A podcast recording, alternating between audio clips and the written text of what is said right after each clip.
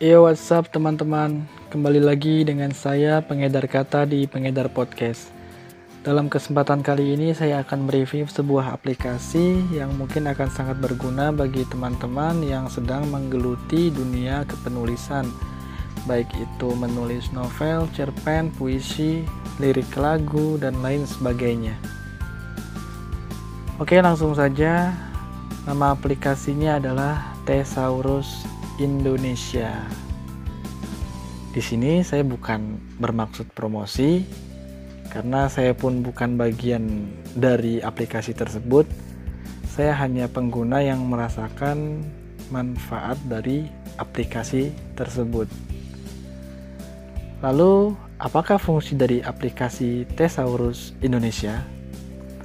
Fungsinya adalah mencari persamaan kata atau sinonim.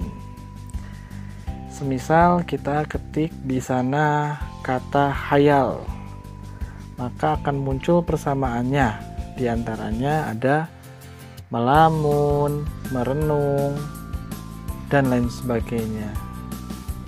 Seperti itu.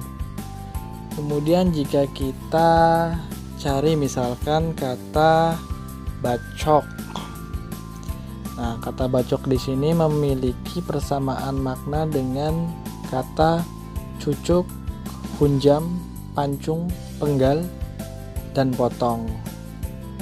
Terus kalau membacok, membacok itu ada persamaannya dengan memarang, membabat, menebas, dan menetak. Lalu apa manfaatnya bagi penulis? Salah satunya adalah menambah kosakata atau perbendaharaan kata agar tulisan yang kita buat tidak monoton.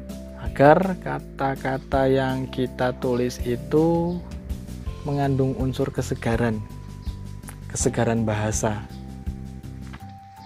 Mungkin itu dulu yang bisa saya sampaikan dalam kesempatan kali ini. Sekali lagi ini bukan promosi saya hanya sharing karena saya rasa aplikasi ini sangat berguna bagi teman-teman yang sedang menggeluti dunia kepenulisan khususnya bagi penulis pemula seperti saya. Kira-kira seperti itu. Sampai jumpa di lain kesempatan